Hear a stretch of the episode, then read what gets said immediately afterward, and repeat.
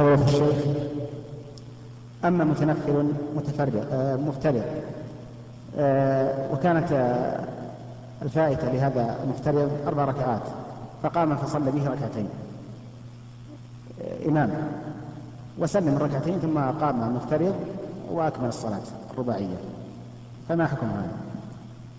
لا حرج أن أن يكون المتنفل إماما للمفترض ولا حرج أيضا أن يصلي المتنفل ركعتين ثم يسلم وبعد سلامه يكمل المفترض ما بقي من صلاة الفرض. لأن معاذ بن جبل رضي الله عنه كان يصلي مع النبي صلى الله عليه وآله وسلم صلاة العشاء ثم يرجع يرجع إلى قومه فيصلي بهم نفس الصلاة.